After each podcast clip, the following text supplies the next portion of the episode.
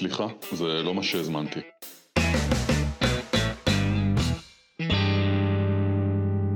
אה, אז ככה, קודם כל, אה, אני אנסה... שלום לימור. היי, אני אנסה לפתוח את זה אחרת, כי שחף פה צוחק עליי שאני סאחית. נו. אז כל הזמן אני פותחת את זה, אנחנו בפרק 37 של הפודקאסט, סליחה, זה לא מה שהזמנתי, אנחנו עם טל בשן. טל הוא מייסד בית ספר למנהיגות תודעתית ומפתח שיטת אימפקט, אז הנה עשיתי את אותו דבר בדיוק. עכשיו, המשפט הבא שלי זה תמיד, ואיך קראת לפרק היום? ממי, אתה אוהב אותי? אז איך קראת לפרק היום? ממי, אתה אוהב אותי? אה, אנחנו נדע את זה בסוף הפרק, אם אתה אוהב אותי או לא. טל היקר, אה, ושחף איתנו פה מקליט. לא הבנתי, התחלנו? התחלנו, התחלנו. התחלנו. אז אנחנו בימי כל מלחמה, המגניבות הזאת שלך הוציא אותי מפוקוס. לא, ועוד אחרי שמונה בערב, אז ככה, כן. אנחנו בימי מלחמה, ואני קצת התלוננתי לכל חבריי הפודקסטרים, כולל אה, גם לכבודו פה, טל בשן, שחזרתי להיות בכבישים, ודי, אני לא יכולה יותר לשמוע פודקאסטים על, אה, על אה, פוסט-טראומה, ועל growth טראומה, ועל רגשות אשמה, ודי, אני רוצה, אני רוצה להקשיב לפודקאסטים רגילים. אז אני מאוד מאוד שמחה שאנחנו חוזרים למסלול, ובטח ובטח על אהבה. כן. ומה מה יש לך להגיד על אהבה, חוץ זה שאני מאמי? ממי, אתה עוד אוהב אותי? היי, זה, זה מלכוד, נכון? זו שאלה שאי אפשר לצאת אי אפשר ממנה. לצאת ממנה, כן. תראי, אה, בנוגע לחזרה לשגרה, טוב, כאילו אנחנו חוזרים לנורמל, אבל אף אחד לא נורמלי. ו... ועשינו גם אנחנו שלושה פרקים מיוחדים על המצב, אני גם הת... התארחתי, אה, גם אצל גיא קצ'וביץ וגם אצל אה, דנה רגב השבוע, וזה יעלה מן הסתם בימים הקרובים. אבל אנחנו כן רוצים לחזור לנתיב של להכין פרקים על החומרים הרגילים במרכאות שלנו, ו... והיום אנחנו רוצים לדבר על אהבה. ויש לזה כל כך הרבה זוויות, ובהתחלה רציתי לקרוא לפרק הזה, אה, אה, איך עוד לא דיברנו על אהבה, כי, כי בסוף כשאני שואל את עצמי, למה אנשים מגיעים לתהליכים של אחד על אחד, והתפתחות אישית ולסדנאות פה, אז איך אני אגיד את זה בעדינות? זה לא בגלל שלא רשמו אותם לחוג מקרמה או לריקוד על עמוד, וזה לא בגלל שלא עזרו להם בשיעורי הבית, וזה לא בגלל אה, שהאוכל כן הוגש או לא הוגש בזמן. זה לא כל הדברים האלה שאנחנו כל כך עסוקים בהם יום-יום, זה בגדול קשור לאהבה. ולא משנה מה אנחנו עושים פה בסדנאות, בסוף אנחנו חוזרים ליד האוחזית הזו. ואני חושב שהתפיסה שלנו את האהבה היא לפעמים קצת שטחית, קצת רומנטית, למרות שרוב הכאבים של החיים שלנו נולדים מתוך חסך של אהבה, ורוב השאיפות שלנו, הרוחניות והרגשיות, יכולות להתמלא רק בהינתן אהבה. ועדיין כשאנחנו חושבים על אהבה, אז אנחנו מדברים ב, בתמונות של לבבות, ואני אוהב אותך, וחיבוק ונישוק, ו, וזה נכון שאלה הפרמטרים הבסיסיים של אהבה, אבל אהבה היא דבר גם הרבה יותר מורכב, והיא מזון שיש לו הרבה מאוד טעמים, ולפעמים מישהו מקבל את המזון שלו בטעם הלא נכון, הוא מרגיש דחוי ולא אהוב. וחשבתי שאולי נתחיל, אה, אולי נתחיל להתעסק בשאלה הזאת היום. קצת להבין אהבה, איך היא נמדדת, מה ההשפעות שלה, מה ההשלכות שלה, הרגלים והתניות שיש לנו באיך לקבל אהבה, ואיך לתת אהבה, ואיך אנחנו רוצים להיות נאהבים. יש לזה מלא מלא אה, ערוצים, ופרק הזה גם נראה לי שאת צריכה לשאול מלא שאלות. אני אנסה, כי זה כן. מין בלון, מומחית, בלון אה, מומחית מומחית לאהבה. לאהבה. זה מין בלון כזה גדול עם מלא מלא, מלא אה, זרמים בפנים, זאת אומרת, זה לא איזשהו נושא פצפון. אני אגיד, במקום הכי בסיסי, שכל ילד שחש עצמו בגילים הצעירים מאוד שלו, נגיד 1, 2, 3, 4, 5, 6, נאהב ללא תנאי, שזה משפט כאילו וואו, מה זה בכלל אומר? אבל בוא נגיד שהוא בטוח באהבה אליו, והוא בטוח בזה שהוא נאהב, והוא מרגיש שההורים שלו היו שם בשבילו כשהוא היה צריך אותם, אה, ושהוא ראוי לאהבה בלי קשר לפעולות שלו ולהישגים שלו ולאיזה רגשות היו לו. כל בן אדם שנאהב ככה, על פי הכותרת הזו של ללא תנאי, שעליה מן הסתם ננסה להרחיב בהמשך, רובם ככולם צומחים להיות בני אדם עוצמתיים, שקטים, מחוברים לעצמם, אה, עם פתיחות וביטחון מאוד מאוד גדול, ומסתובבים בע- בעולם כאשר מסוגלים בעיקר להישען על עצמם, ומערכות היחסים שלהם הם לא, הם לא מערכות יחסים של ביטול או ניצול, או פגיעה, אלא יש להם מערכות יחסים שבהם הערך העצמי שלהם, האהבה העצמית שלהם, ברורה, והם כאילו מגיעים לקשר כסיר עם מכסה. טל, אני מצטערת להרוס לך ולכולם, אני, אני לא מכירה אנשים כאלה. אה, אולי בגיל אחת, שתיים, אחת, בוא, בוא נתרכז שם, אז הכל נורא חמוד, והקקי מדהים, ואיזה יופי של תינוק, ובאמת אוהבים אותו לאכול ללא תנאי, אבל זה לא נמשך. זה לא נמשך, כי מהר מאוד הילד החמוד הזה שלנו אה, מתחיל להיפגש עם הציפיות שלנו. ונגיד שהוא מתחיל להתנהג אה, התנהגות רגשית שמקשה עליי. הוא, ואני מפרש את ההתנהגות שלו כחוסר אונים, ואני לא מסוגל לשאת את חוסר האונים שלי, כי לי יש אירועי ילדות. אפילו בכי שלו בגיל uh, תינוק, uh, כשכואבות לו השיניים? כן, הרי כל בכי מקבל על ידי כל הורה פרשנות אחרת. ומספיק שאני, יש לי עוינות כלפי הבכי הזה, או כלפי הרגשות שהוא מביע, כי זה קשור לעוינות או לחוסר יכולת שלי להכיל את הרגשות האלה בעצמי. אנחנו כבר מכירים את ההדהוד הזה של מערכת היחסים שיש לי מהעולם, הנה ההשתקפות מוחלטת של מערכת היחסים שיש לי עם עצמי. אז אני כבר מפנה איזושהי שליליות כלפי הילד הזה. והילד הזה באופן לא מודע מבין משהו. הוא אומר, החלק הזה שאני הרגע חשפתי, המנעד הרגשי הזה, לא מזכה אותי בדבר המאוד מאוד בסיסי הזה שאני רוצה לקבל, וזה קבלה ואהבה. ואין לו הרבה אפשרויות, אם הוא חפץ באהבה, הוא צריך לקחת את החלק הזה, להסיט אותו, להחביא אותו, לשים אותו במרתף, ולהציג חלק אחר שכן יזכה אותו באהבה. אז הנה, אין לנו ילד שנאהב ללא תנאי. נכון, אבל יש לנו ילדים שעל הרצף הזה, תראי, הרצף הוא, הוא אינסופי. יש ילדים שמכבים עליהם סיגריות, ומכים אותם, ופוגעים בהם מינית, ומתעללים בהם. וכשהוא אומר אני רוצה, או שהוא לא ממושמע, הוא חוטף סטירה. ובכל פעם שהוא לא מקשיב לאבא או לאימא, הוא נענש. יש לנו את הקיצון הזה. אחר כך יש לנו הורים שפשוט לא מסוגלים לתת את המרחב הרגשי לילדים שלהם. מישהו שהוא דור שני, מישהו שהוא הלום קרב, מישהו שהוא אה, אה, אה, נרקסיסט. הילד מסתכל ואומר, אה, אין עם מי לדבר. זאת אומרת, אני יכולה לספק את כל הצרכים הבסיס... הטכניים, בוא נגיד ככה, אוכל, זה, אבל לא, לא צורכי אהבה. כן. לא מגע, לא רגש, לא שיחות, אם יש לא לי חיבוק. אה, הורה שאני, אה, כל פעם שאני מביא לו קושי, הוא בעצמו מתמוטט, ולמה אתה עושה לי את זה, ולמה זה וזה וזה. אז, אז אני מבין ש, שלחלק הזה הרגשי, על החלק השביר הזה, אין מקום אצל ההורים, אז אני צריך להביא חלק אחר.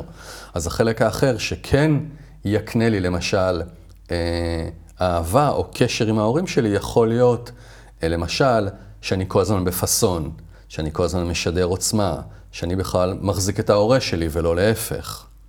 אז אני, בכלל יש איזו הקשה כזו פנימה, שכל מה שלא מתקבל אצל ההורים שלי, אין לו, לא יכול לראות עולם, לא יכול לקבל יחס ואהבה, ובהמשך, אותם רגשות שאין להם מקום, ואחר כך לימור התנהגויות שאין להם מקום. נגיד שאני אומר, אני רוצה את זה, ואז ההורה אומר לי, אבל תפסיק לחשוב רק על עצמך, תפסיק להיות אגואיסט.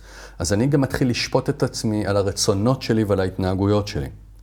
אם אני מפשט את זה רגע, אני רואה את המבט הזה על העיניים לא. לא, בסדר גמור. אם אני מפשט את זה רגע, אז אם אני מבין במישרים ובעקיפין שיש לי חלק שההורים שלי לא מקבלים אותו, כי הוא סותר את הערכים או את האמונות שלהם, או את היכולת שלהם להכיל, או את הקשיים, לא משנה מה, אני מבין ביני לבין עצמי שהחלק הזה לא ראוי לאהבה, וגם אני לא יכול לאהוב את החלק הזה. זאת אומרת, זה לא רק שאני לא אביא את הדבר הזה לכדי ביטוי, אלא אני גם אכעס על עצמי ואקבור את זה עמוק עמוק בפנים, גם בתוכי. תחשבי על זה כמו צנזורה. אם אני מוציא, אני עיתונאי צעיר, ואני מוציא מאמרים כל הזמן החוצה, והצנזור כל הזמן פוסל לי אותם. אני עדיין רוצה להיות עיתונאי, אני עדיין רוצה להיות ילד של הדבר הזה, אז הפתרון היחידי הוא לעשות צנזורה עצמית. כלומר, אני בעצמי כבר מדכא את החלקים האלה. מדכא ואולי אפילו כועס על עצמך, שבכלל זה, זה קיים. שזה... נכון, ואולי אני אפילו חושב שאני דפוק או רקוב או בעייתי. כלומר, היחס ההורי החיצוני שקשור לאהבה מופנם גם למערכת היחסים הפנימית שלנו. אחר כך יש לנו אה, רמות שונות של קבלה. בוא נגיד, נצא מהצד הפוגעני, האלים, הרומס, המבטל. עדיין יש לנו מערכות יחסים שבהם, אה, אוקיי, אם אני מפגין חולשה, אז זה מקבל פחות כבוד. אוהבים אותי, אומרים לי שאני אוהבים אותי, אבל רק כשאני ילד טוב. אם אני אביא ציונים פחות טובים. אם אני אביא ציונים טובים, אני ילד טוב, אני מקבל יחס. אם אני לא מפריע, אני מקבל יחס. אם אני עוזר לאח שלי, על חשבוני אומרים לי, אה, כל הכבוד לך שלא חשבת על עצמך. אז הוא אומר, אה, החלק שחושב על עצמו לא ראוי לאהבה, החלק שחושב על האחר ראוי לאהבה. הבנתי, אסטרטגיה של ריצוי. שבוע היה לי פה אה, תלמיד בכיתה שנכח בקונצרט של אחותו, שהייתה הופעה של הבית ספר, והמנהל בית ספר בסוף אמר, מילא התשואות שנתתם לנגנים על הבמה, אבל תראו את הילד הזה שהיה שקט אה, כל הקונצרט ולא הוציא מילה, תנו לו תשואות. ועכשיו יש לך ילד שאומר, אוקיי, אני זכיתי לתשואות על זה שהייתי ילד שקט. ועכשיו את זה הוא חייב לתחזק כל החיים, ואת החלק הרועש שבו, החלק שרוצה להפריע, החלק שבועט, הוא לא מוכן אה, אז מה, הוא גדל להיות אה, אדם בוגר ונחבא אל הכלים, שקט? בוגר, והוא כל הזמן ילד טוב, וזה לא משנה כמה מערכות אינטימיות יש לו, הוא עדיין מרגיש לבד, כי יש חלק בפנימיות, חלק שרוצה לבעוט, יותר סועד, חלק שהוא פחות ילד טוב, שאסור לו לראות קהל. אז זה לא משנה באיזה קשר אינטימי הוא, יש לו קשר אינטימי רק עם החלקים המוארים שלו. החלקים האפלים, נגיד יונג היה קורא לזה הצל שלו, לא, היה, לא מקבל מקום בחוץ, ולכן לא משנה כמה עמוק הקשר, הוא עדיין מרגיש בו בודד. הוא לא מעז להראות את זה, כי הוא, כי הוא לא יקבל אהבה על זה. זה לא שהוא לא מעז להראות את זה, הלוואי וזה היה המצב. הוא בכלל לא מכיר שיש בו חלק כזה, הוא לא יודע לעורר אותו כבר, כלומר, כל כך הרבה שנים. הדבר הזה בחוץ. עכשיו תראי, גם העניין הזה, עכשיו כשאנחנו מדברים על אהבה, אז המקום הכי בסיסי אה, הוא החיבוק נישוק ואני אוהב אותך הזה, אבל גם זה פעם לא היה לגמרי ברור.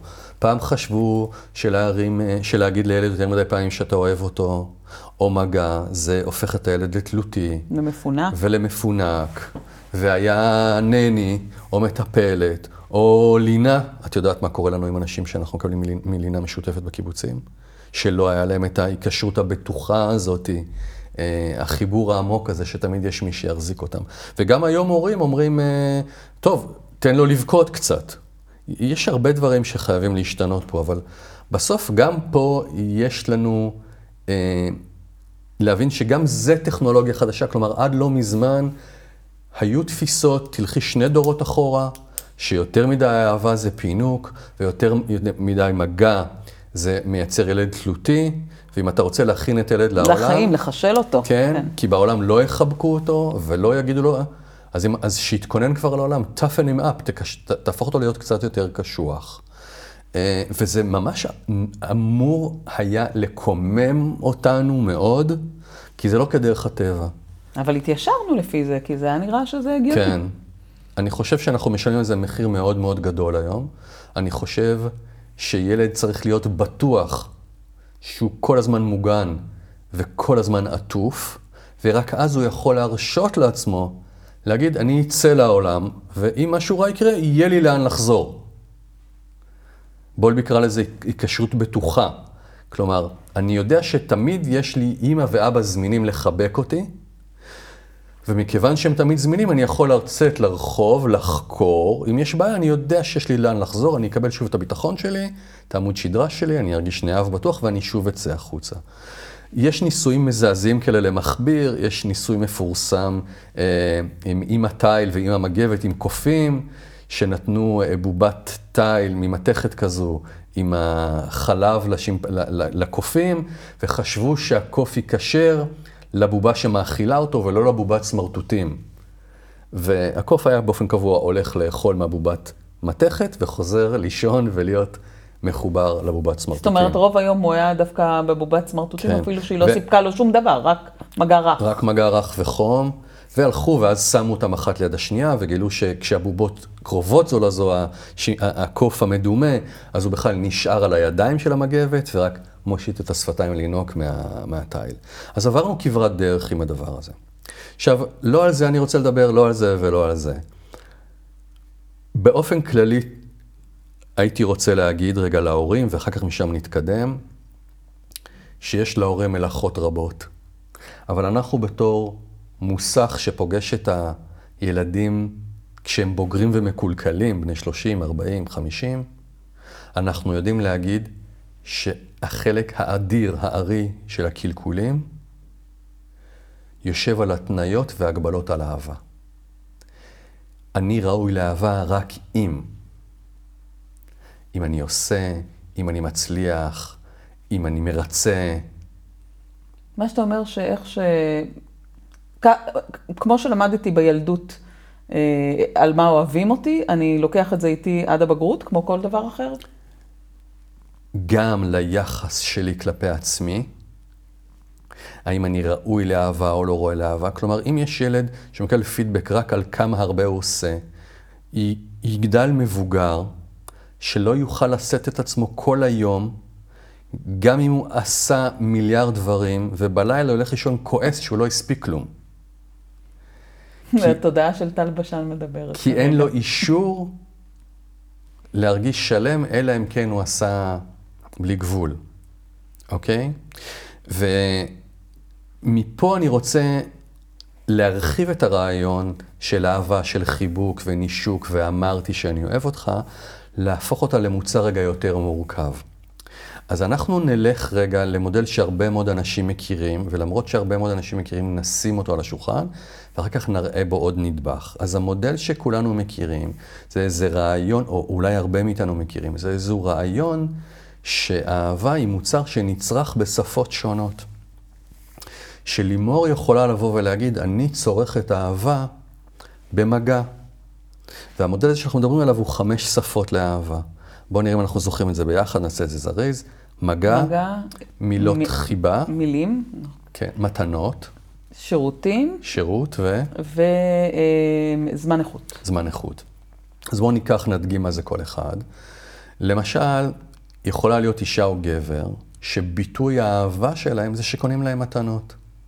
אם אני אקנה לך מתנה, את תהיי מאושרת, ותחושי שאת נאהבת. מתוך הרעיון הזה, תהיי בטוחה שכשתתני לי מתנה, גם אני אחוש נאהב. אבל מאוד יכול להיות ששפת האהבה שלי, האופן בו אני צורך אהבה, בכלל לא קשור למתנות, ומתנות בכלל לא מדברות אליי. ואליי זה אולי בכלל נראה לי הדרך הקלה והלא רצינית לתת אהבה. ויכול להיות שאני צורך אהבה בכלל רק דרך מגע. וגם מגע מאוד ספציפי, אני צריך להרגיש שנשקו אותי או ליטפו אותי, וזה היה מוטען באהבה. ותגידי לי אלף פעמים ביום שאת אוהבת אותי, נגיד במקרה שלי זה גם אמיתי, תגידי לי שאת אוהבת אותי, זה פשוט לא מזיז לי. נכון.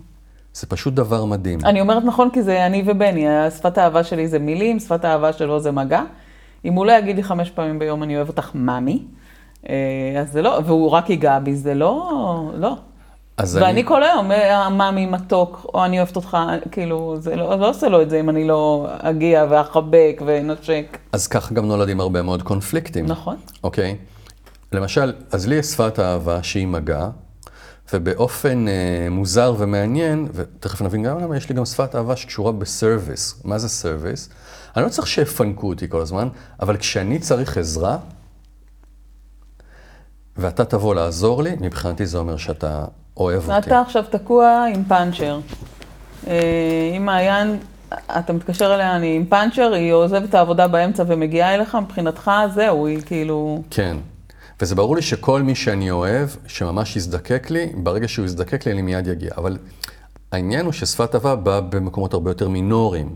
זאת אומרת, אם אני אגיד לה, היום בערב מגיעים uh, כמה תלמידים uh, פה לעשות עבודה, אני צריך שתעזרי לי בזה, כי אני לחוץ בזמן. היא אומרת לי, אני לא יודעת, אני צריכה לראות, אני מאוד מאוד עסוקה. אני, אני שומע גט.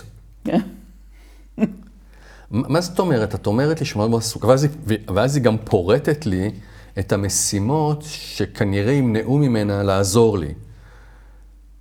אז אני שומע, תקשיב, יש הרבה אנשים בתור שהם יותר חשובים ממך, יש הרבה דברים בעולם שיותר חשובים. אני לא יכולה להתחייב אליך, כי לא יודעת אם אני מוכנה למסד את הקשר. וכל ואני... זה עובר לך בראש כשהיא בכלל לא... עכשיו, זה לא באמת עובר לי בראש, אבל אני ממש מתכווץ ברגע הזה. אני אומר לה, תגידי לי שאת לא יכולה, או תגידי לי שאת תשתדלי. אני אחיה עם זה בשלום. אבל אל תגידי לי, יש לי 15 איש בתור לפניך. כי כשהיא מבקשת משהו, אני ישר זורק את הכל. ומבחינתה זה אולי לא ביטוי לאהבה. לא, מבחינתה זה לא. אומר, אני אומר לה, אבל אני עזר, אני אומר לה, עזרתי לכם מהעבודה שלך. ואז היא תגיד לי, זה לא העבודה שלי, זה גם עבודה, זה גם הפרנסה שלך, מה שאני מביאה הביתה. אנחנו בכלל לא על אותו מישור, אוקיי? אז יש חשיבות מאוד מאוד גדולה להבין מה שפת האהבה של האחרים, וגם מה שפת האהבה שלך. כי עד שאני לא אגיד למעיין, תקשיבי, את צריכה רגע להבין, זה לא שאני צריך עזרה. את יכולה להגיד לי כן, את יכולה להגיד לי לא, אני צריך לדעת שאת מעוניינת לעזור לי. לא תמיד את יכולה, זה ברור לי, אבל אם את אומרת לי שאני אחרון ברשימה, אז זה כבר פעולה רגשית עבורי. עכשיו, אנחנו, הבלבול הרבה פעמים שאנחנו משוכנעים שצריכה להיות הלימה. נכון, אוקיי? כאילו אני לא הולכת עכשיו ברחבי העולם לחפש לי אה, עוד אה, בן זוג ששפת האהבה שלו זה מילים כמוני. אבל זה לא מה שקורה בפועל. אני בא עם שפת האהבה של מגע ושירות, ומעיין בא עם שפת האהבה של מתנות, ולהציג בפרהסיה את האהבה שלנו. אוקיי, אז זה לא נפגש, אז למה שאני לא פשוט אלך לחפש מישהו עם אותן שפות כמו כי שלי? לא אותו את אוהבת. עכשיו, זה מוזר, את יכולה להתאהב במישהו ולאהוב אותו, אבל אחר כך כשפורטים את מערכת היחסים, מה נחשב כפעולה שמביעה אהבה, איך אני צורך את האהבה, שמה אנחנו נופלים. אני אתן לך דוגמה קטנה. נגיד אנחנו נחזור מאיזה דייט, ואני תגיד לי, אני מה זה רעבה. מבחינת מעיין, אני צריך עכשיו לעזוב הכל. אני אגיד לה, טוב, עזבי, ממוש, תכף מגיעים הביתה. היא שומעת שאני לא אוהב אותה. מבחינתה ביטוי לאהבה זה עכשיו להתחיל לחפש איזה סטייקייה פתוחה בשתיים בלילה כדי להזין את האישה.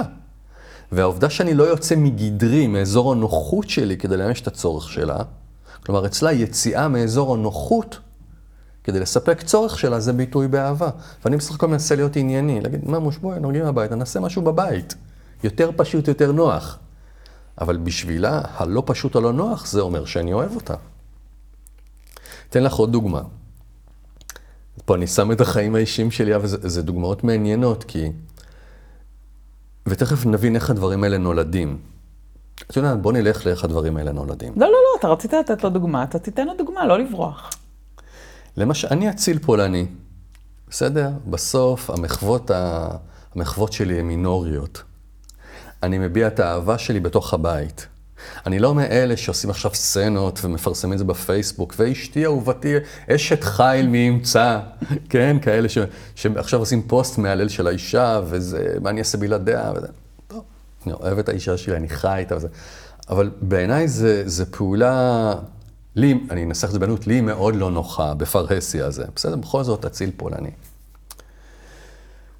ואצל מעיין, להביע אהבה בפרהסיה זה האולטימט, אוקיי? אז עכשיו יכול להיות, יכולה להיות פה סדנה, והיא תיכנס פתאום להגיד שלום, ו... מכירה אותה, היא כריזמטית כזו ותופסת מקום, אז כולם מדברים איתה וזה, כן, וגם היא מוכרת, והיא מופיעה בטלוויזיה, ברור שזה כיף שהיא נכנסת. ואז כל אחד שלום, שלום, שלום, ואני מתוך האהבה שלי אליה, מפנה לה את המרחב, שתתענג על המקום הזה, ולא מפריע, אני אומר, מה אני אדחף עכשיו בפרהסיה?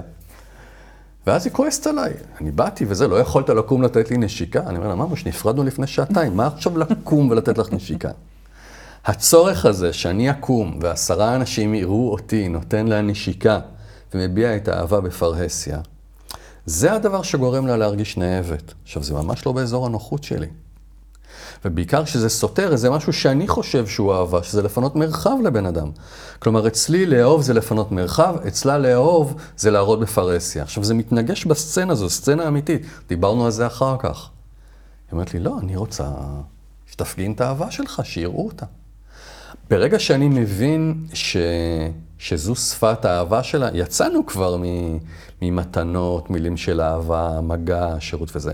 ברגע שאנחנו מתחילים להבין שיש שפה ספציפית יותר לאהבה, שכל אחד מגדל אותה בתוך הפנימיות שלו, אנחנו יכולים, לייצר, יכולים להתחיל לייצר קשרים אחרים עם האנשים שלנו ועם הילדים שלנו. מה זה אומר שאני צריכה לדעת מה, מה אני, ואחרי זה גם מה הבן זוג שלי, או בני הזוג שלי, ובעצם אבל לפעול לפי מה שהם רוצים.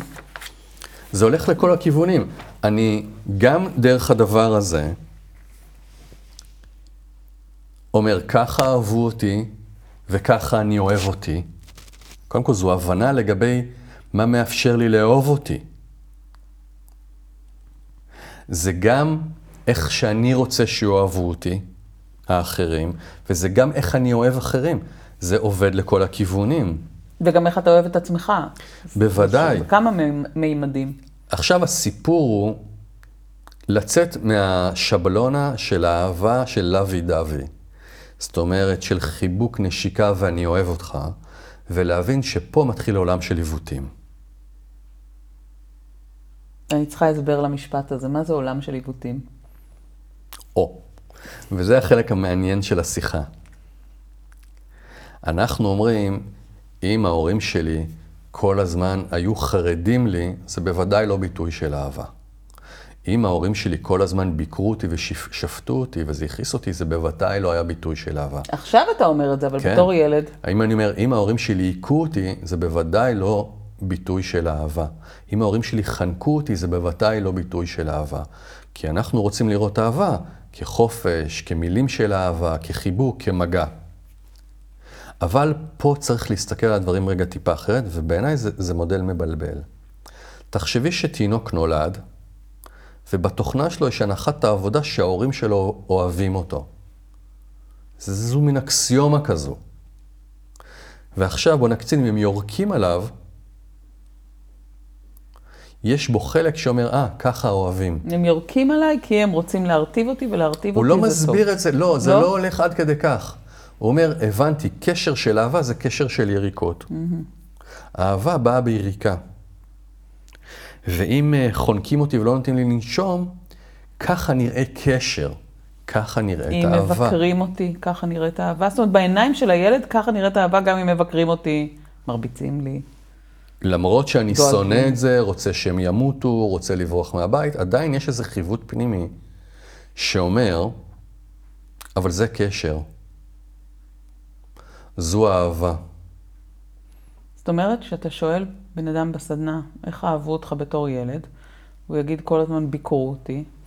הוא לא יגיד, הוא לא יגיד, הוא לא יגיד שאהבו אותי דרך... אנחנו נשאל אותו איך אהבו אותך. והוא יגיד, קנו לי מתנות, אז, אבל אז גם תשאל איזה עוד יחס היה אליו. כל הזמן ביקרו אותי. אמרו לי, ככה אתה לא יוצא מהבית. מה עוד? איך נראה הקשר בין אבא לאימא? היא כל הזמן אמרה לו, תפסיק לאכול שטויות, אתה תקבל התקף לב. אוקיי, ראיתי pattern של אהבה. מה היה היחס לאח שלי? כל הזמן צעקו עליו שהוא לא אה, משקיע. אני מתחיל לראות תבניות ביחס בין ההורים, ביחס בין ההורים אל האחים שלי, ביחס של ההורים שלי אליי. אליי. והתבניות האלה הופכות בסוף למין חבילה שדרכה אני מבין קשר. גם אם אינטואיטיבית האופן הזה הוא הפוך מכל מה שאנחנו מפנטזים על אהבה. עם המגבת, עם התיל. יג, יגיד פה ילד בסדנה, אף פעם לא אמרו לי שאהבו אותי. אף פעם לא חיבקו אותי. אף פעם לא אמרו לי מילה טובה. מלא כאלה אנחנו שומעים. אנחנו ב-2023, אנחנו שומעים מלא כאלה. אז לא הייתה לו אהבה, ועדיין המערכת הפנימית שלו מצליחה לקשר כל מיני דברים עם אהבה ועם קשר. דאגה. למשל, ביקורת. לא אהבו אותו, לא חיבקו אותו, לא אמרו לו שהוא אהוב, אולי אפילו לא היו, וכל הזמן העירו לו הערות. זה מה שהוא קיבל? אז הוא חווה אהבה, הוא פיתח רצפטורים לקלוט אהבה דרך שיפוטיות וביקורת. אתה יכול לתת לי דוגמה לאיזה בוגר הוא יכול היה להתפתח? שהוא עומד מול המראה, ויש לו רק ביקורת להגיד על איך שהוא נראה. ומה עם בת זוג? כשבת זוג נכנסת לתמונה. אז אם ניקח את הדוגמה של הנראות, נגיד. נגיד שאני כילד, היה לנו את אחד הפרקים הראשונים, זה לא באמת היה על בת, זה נגיד היה עליי של ככה אתה לא יוצא מהבית, וזה לא היה קשור לזה שהיה לי פופיק חשוף, אלא פשוט, אבא שלי אומר לי, לא, הגרביים לא מתאימות למכנסיים, אתה לא יכול לצאת ככה מהבית. או לא הולכים לקונצרט עם סנדלים, בסדר, זה מפעם. זה היה מעצבן אותי, אבל הייתי חוזר והייתי מאפס את הסיסטם, כלומר שהצבעים יתאימו. זה אומר שאני לא ארשה לעצמי לצאת מהבית אם הצבעים לא מתאימים. ואז אם בת הזוג שלי תרצה לצאת מהבית בבגדים לא מתאימים, או שהיא שמנה, אז אני אגיד לה, תקשיבי רגע, זה, זה לא, זה לא מחמיא לך. והיא תכעס עליי. תגיד לי, מה, אתה כל הזמן מבקר אותי? מה את רוצה, שאני לא אגיד לך? את רוצה שאני אתן לך לצאת ככה מהבית?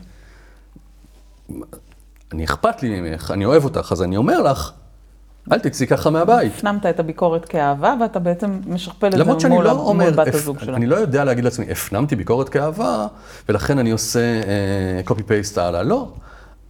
אבל אם יש מישהו שהוא חשוב לי, אני מעיר לו. עכשיו, זה גם עובד הפוך, תראי את ההזיה. אם אני לא אהיה סגור על הבגדים שלי, ובת הזוג שלך תגיד לך, אני אוהבת אותך איך שאתה, ואני אבוא אליה ואני אתה אגיד לה, יפה תמיד. ואני אגיד לה, מעיין, תקש- תקשיבי רגע, זה לא מסתדר. היא אומרת, אתה נראה אחלה, מה אתה רוצה? אני אומר, לא, לא, זה לא יושב. היא אומרת לי, גם ככה אתה חתיך, זה בסדר. אז אני, אני יוצא, אני יוצא ריק. אני אומרת, כאילו, באתי אלייך, נכון? אני באתי כדי שתגידי לי מה לא בסדר. מה את מנפנפת אותי? היא מה, לא אתה אכפת חתיך, לך מה אתה ממני?" רוצה? מה אני רוצה? אם אכפת לך ממני, תעירי לי מה, מה אני צריך לתקן. בשביל מה באתי אלייך? אם הייתי יודע לבד, לא הייתי בא. כלומר, היא אומרת לי, אני מקבלת אותך ללא תנאי, כמו שהיא הייתה רוצה שאני אקבל אותה ללא תנאי. אצלי זה דחייה. כלומר, אותה פעולה נמדדת אצלי כנתינה, אני אוהב אותה כך. עכשיו, איך גיליתי את הדבר, את הרגע האבסורדי הזה? שהיה איזה יום שבאתי אליה, ואמרתי כמו תמיד את מה שאני אומר, אה, לא התאמנתי כבר שבועיים בגלל הזה וזה, אני מרגיש שהשמנתי. ותמיד אומרת לי, אתה עדיין חתיך, כי ככה אוהבים. והפעם היא מסתכלה עליי ואמרה, אה, נכון, באמת קצת אה, זה. ומצאתי את עצמי מחייך. רגע מכונן מבחינת, היא נתנה לך ביקורת, היא אהבה אותך. נכון, נכון, וישר לקחתי את עצמי והלכתי להתאמן. כאילו, כמה שנים אני אומר לה שאני לא, לא מספיק נראה בן 16, והיא אומרת לי, אני אוהבת אותך כמו שאתה, והנה סוף סוף היא, סוף סוף היא אוהבת אותי. עכשיו, זו, זו הזיה, אוקיי, על להבין שאני ככה מבין אהבה. עכשיו, זה הולך למקומות עוד הרבה יותר מוזרים מהדבר הזה. כי אני, אני אתן לך את זה בקיצון האחר. יכול להיות בן אדם, איך, איך אני אסביר את זה? כשאנחנו מקבלים אהבה בצורה מסוימת, אנחנו מפתחים את הקולטנים כדי לקלוט את האהבה הזו. זה כמו שאם יש לנו, אה, לא יודע, מישהו שגדל באנטארקטיקה, אז יש לו קולטנים מאוד מאוד טובים לקלוט את טיפת השמש הזה, או מישהו שגר בעולם עם מעט מאוד אוכל, הגנים שלו עושים איזו פעולה כזו, שבסוף הם יודעים לנצל את האוכל עד הסוף. יש קולטנים שמתאימים לסיטואציה. עכשיו תארי לעצמך שיש ילד שלא מקבל מגע בכלל. עכשיו, החסך הוא אדיר, נכון? אוקיי, הוא מגיע לבגרות. ו- מגיע לבגרות ובת הזוג שלו רוצה לגעת בו. והוא לא יכול לשאת את המגע. כי אין לו, הוא לא פיתח את הקולטנים שמסוגלים לקבל אהבה דרך מגע. והיא חשה דחייה כי הוא לא נותן לה לגעת. חד בו. משמעית. עכשיו, כשאני מצליח רגע, לה... או, או מישהו שכילד היה בן יחיד או בת יחידה, ההורים היו עסוקים ואף אחד לא שיחק איתו. אז השפה שבה הוא יודע להתקיים זה לבד. ולכן הרגעים היחידים של השקט ושל השמחה שלו זה לבד, הוא לא יודע להיות ביחד. אז חלקים מהתיקונים שלנו העמוקים זה להיות מסוגלים להבין שלא פיתחנו קולטנים כאלה, ולהתחיל לעשות תיקון כפעולה הפוכה להרגל, להגיד, אני מתאמן בלפתח קולטנים של, של מגע. אני מפתח, אני מתחיל להתאמן בלפתח קולטנים של אה, ביחד. זה מגיע לדרגה כזו שאני יכולה להגיד, אפילו שאין לי את הקולטנים האלה, של וואלה, הוא אוהב אותי, למרות שזה לא שפת האהבה שלי. אני יכול, כאילו, אם, אם נראה יש, לי רמה מאוד מאוד מאוד גבוהה של הבנה. אם אנחנו מייצרים דיאלוג, שבו אני מתחיל להבין מה שפת האהבה שלי, ולמשל, אני מתחיל להבין שאימא שלי, אני רוצה לתת לך רגע דוגמה, אני לא יודע אם אני עונה על השאלה, אבל היה לי פה אירוע מדהים לא מזמן. בא אליי מישהו ואומר לי, תשמע, אני לא מבין למה אני לא דואג לעצמי.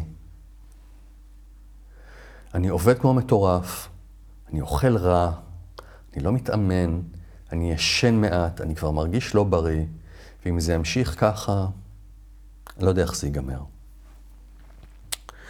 וכשבדקנו למה הוא משמר את זה, גילינו שאימא שלו כל הזמן דאגה לו שמא יקרה אסון. אם לא תטפל בעצמך ככה וככה. ופה הבנו שאם יהיה רגע, בואו נראה אותך רגע הולכת למקום הזה, אם הוא כן ידאג לעצמו, וכן יאכל כמו שצריך, וכן יישן כמו שצריך, וכן יתאמן, מי ידאג לו ומי יאהב אותו? מה הוא, מה הוא מבטל? מה לא יקרה? אף אחד לא ידאג לו ואף אחד לא לא יאהב אותו. יקרה אסון. כן. ואם לא יקרה אסון, ואם הוא לא יהיה מוזנח, לא יהיה את הדאגה. כלומר, הגענו להבנה שהוא לא דואג לעצמו, או ממשיך לפגוע בעצמו, כדי לאפשר לאימא שלו להמשיך להיות מודאגת, כדי להמשיך ולשמר את הקשר. שהוא מבין שאם הוא יהיה בריא, הקשר הזה בינו לבין אימא שלו אה, ייגדע. עכשיו, אנחנו רואים משהו מאוד מאוד מעניין במודלים. זה לימדה אותי סיגל סגל שעובדת איתנו פה בסדנאות. היא, היא אמרה שמול הילדים שלנו אנחנו בדרך כלל מתקנים, ומול בני הזוג שלנו אנחנו משכפלים. אני אתן דוגמה. נגיד שההורים שלי חנקו אותי, לא נתנו לי לנשום. וזה היה דבר רע בעבורי. אבל הפרמטר הזה, הסרגל הזה של חופש מול חנק, קיים בפנימיות שלי. אז מול הילדים שלי אני אתקן, אני אתן להם אוויר. אבל מול הבן זוג שלי, אני אמשיך לחנוק אותו. עכשיו, באיזה אופן אני צורך אהבה על הציר הזה? אנחנו יודעים להיות או בצד הזה, או בצד הזה. אז איך אני מול הילדים ואיך אני מול הבן זוג? מול הילדים אני אתן אוויר. לא, אבל לצרוך אהבה, לא, לא לתת. אז איך אני צורך אהבה? מה האופציות שלי? מול הילדים, אם לא. אתה נותן אוויר? אתה, אנחנו דיברנו, אתה דיברת איתי כרגע על איך אתה נותן אהבה לבת הזוג ולילדים. שמול הבת הזוג אתה משכפל, מול הילדים אתה... לא נותן לה לנשום כמו כן. כן. זה, כי אם אני לה לנשום זה אומר שאני לא אוהב אותה. אוקיי, וצורך. תן לה, היא תסתובב, איפה היא תסתובב, אני צריך להחזיק אותה קצר. מי ש... אם מי שאני אוהב, אני צריך להחזיק קצר. ואת הילדים, אני לא רוצה ש... לעשות להם מה שעשו לי, אז אני משחרר. שם מול הילדים אני מסוגל לשחרר, מול בן הזוג אני לא מסוגל לשחרר. עכשיו, איך אני רוצה שיאהבו אותי? שאלה מעניינת, אני אהיה באחד מהקצוות האלה. אני יכול להיות במצב שבו אני אגיד, אם הוא לא שואל אותי לאן אני הולכת, אז לא אכפת לו ממני. או שאני יכולה להיות שאם הוא חונק אותי, לא אכפת לו ממני. אני אהיה אבל באחד מהקצוות האלה. וזה גם חשוב לראות את הדבר הזה, באיזה קצה אני נמצא. מה נחשב בעיניי לאהבה? אז יש לי שאלה. כשאתה מול בן זוג או בת זוג, למשל מול מעיין, אתם שניכם אנשים בוגרים. ו... לכאורה. כן, אבל גם אם התפתחתם ועברתם סדנאות אה, אה, של בית ספר למנהיגות תודעתית, אז אתם גם יודעים לפתח איזשהו דיאלוג ולהגיד, ככה אני צרכתי אהבה, זו שפת האהבה שלי, אני יודע ששפת האהבה שלך היא שונה, ואני גם אנסה לתת לך אהבה בשפת האהבה שלך. כן. את הדיאלוג הזה אתה מסוגל לעשות מול, מול אה, פרט שהוא אה, בוגר כמוך ועבר סדנאות כמוך. איזה דיאלוג אתה מקיים מול הילדים שלך? הם לא באותה רמת אה, מודעות והתפתחות, ובעצם עצם העובדה שאתה יודע מה, איך אתה צורך אהבה, ואיך אתה נותן אהבה, איך אתה עושה את זה מול הילדים? מה, איך אני אומר להם לתת לי אהבה? אה, זאת אומרת, אז איך הדיאלוג לא הזה מתקיים? זאת אומרת, אם יש לך, מול בת הזוג זה בסדר, אתה יכול לאבד את זה. איך, איך אני עושה את זה מול הילדים שלי? לא, מול ילדים אני לא חושב, מול בן הזוג אני יכול לעשות דיאלוג מעובד כזה? נכון. מאה אחוז. אני לא חושב שמול הילדים אני יכול לעשות דיאלוג מעובד כזה, אם ילד זה בן שלוש או שש. בואי ניתן לך דוגמה רגע, שהייתה פה השבוע, אוקיי? מגיעה לפה אה, גברת, שהיא אימא מדהימה, אבל היא מתפוצצת על הילדים שלה מדי פעם ויוצאת ממנה מפלצת. כשהיא מספרת על הדוגמה, מתי יוצאת ממנה מפלצת, אז היא אומרת, טוב, אני קובעת איתם שעד שלוש אני עובדת, ומשלוש אני במאה אחוז איתם. ואז הם באים ומפריעים לי בשתיים וחצי. ואז אני מתפוצצת עליהם. למה הם לא מסוגלים להתחשב בי? למה הם מפריעים לי בזמן שלי? ובכלל הזמן הזה זה זמן של עבודה שאני עובדת בעבורם. כי אני עובדת עכשיו להכניס עוד כמה שקלים כדי שיהיה להם, ואז אני לגמרי אהיה שלהם. גם עכשיו הזמן הפרטי שלי הוא כדי לדאוג להם, ואחר כך אני אתעסק רק בהם באופן ישיר. בסדר? והיא על החצי שעה הזאת היא מסוגלת להתפוצץ עליהם. ככה העבודה מתחילה מבחוץ פנימה. ואנחנו אמרנו פה מיליארד פעם שמערכת היחסים שיש לי עם העולם, השתקפות מוחלטת של מערכת היחסים שיש לי על עצמי, ותכף נראה איך זה קשור לאהבה. ואז אנחנו מתחילים לראות איפה היא גדלה. היא גדלה בבית שבו האימא שלה הייתה בביטול מוחלט של עצמה כדי להיות אימא. היא אומרת, האימא אמרה, אני ויתרתי על הלימודים ועל העבודה ואני מהפה הוצאתי בשבילכם. ואני, לק אני לא עושה. אני לא מהאימהות האלה שעושות לק. אני פן לא עשיתי עשר שנים. הכל הולך עליכם.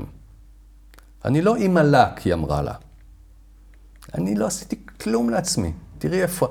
כלומר, עבר מסר שהאהבה היא בביטול מוחלט. זה ברור? כן. אז עכשיו, היא רוצה להיות אימא מדהימה. אז היא חיה בביטול מוחלט. היא לא עושה לק ולא עושה פן, והיא לא עושה חוגים, והיא לא מבזבזת על עצמה ולא כלום. אבל היא לקחה על עצמה עכשיו שעה לעבוד באופן פרטי, שזה מה שהיא לקחה לעצמה, זה לעבוד. וגם את זה הם נוגסים לה. כלומר, היא עומדת, אם יש לה אדמה של 100 דונם, שזה החיים, היא עומדת על הקצה הקצה של המצוק, לא מאפשרת לעצמה מילימטר של אוויר, ושגם את המילימטר הזה שהיא לא מאפשרת לעצמה, הם באים ונוגסים, אז היא מתפוצצת עליהם. אבל כל זה יושב על הרעיון שאני מאוד מאוד אוהבת את הילדים שלי. הכי חשוב לי זה להיות אימא, וכדי להיות אימא אוהבת, אני חייבת להיות אימא מבוטלת. כי אהבה באה עם ביטול.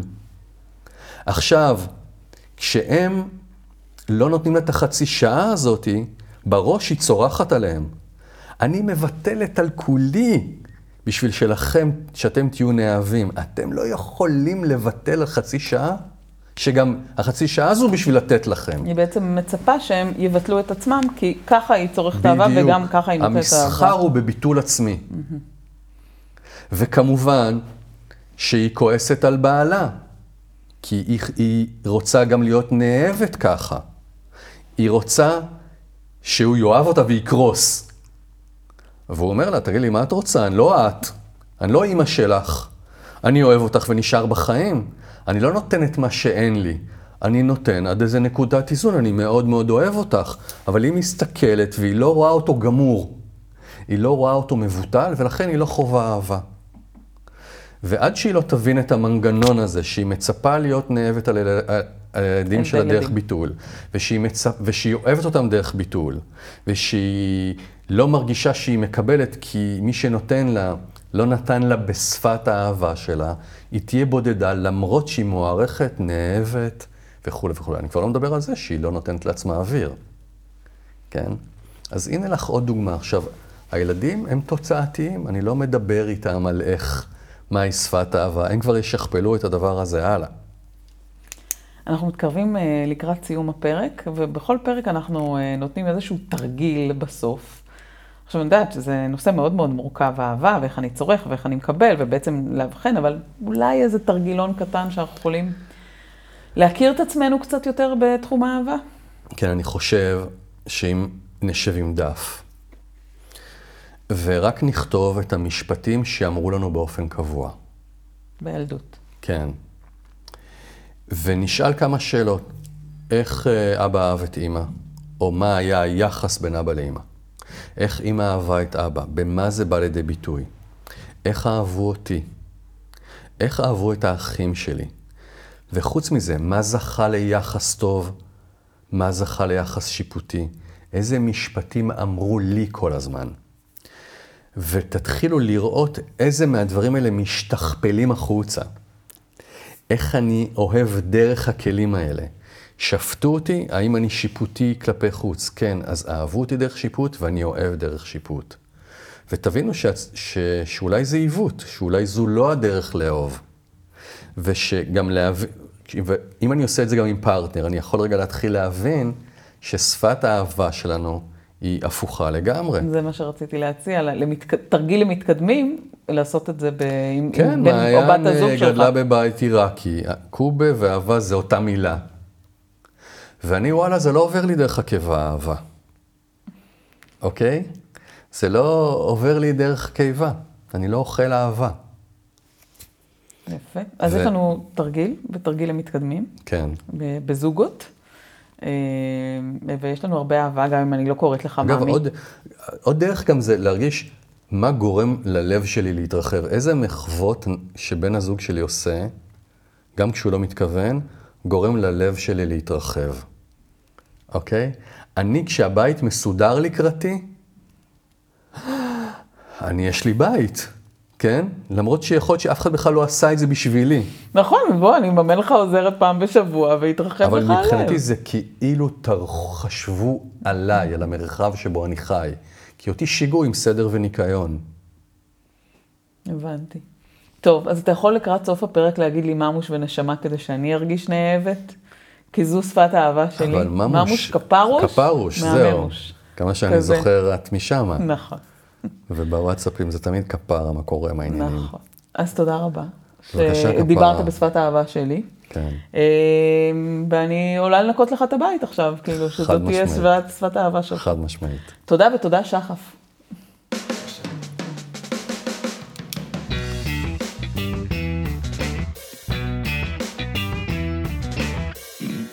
סליחה, זה לא מה שהזמנתי.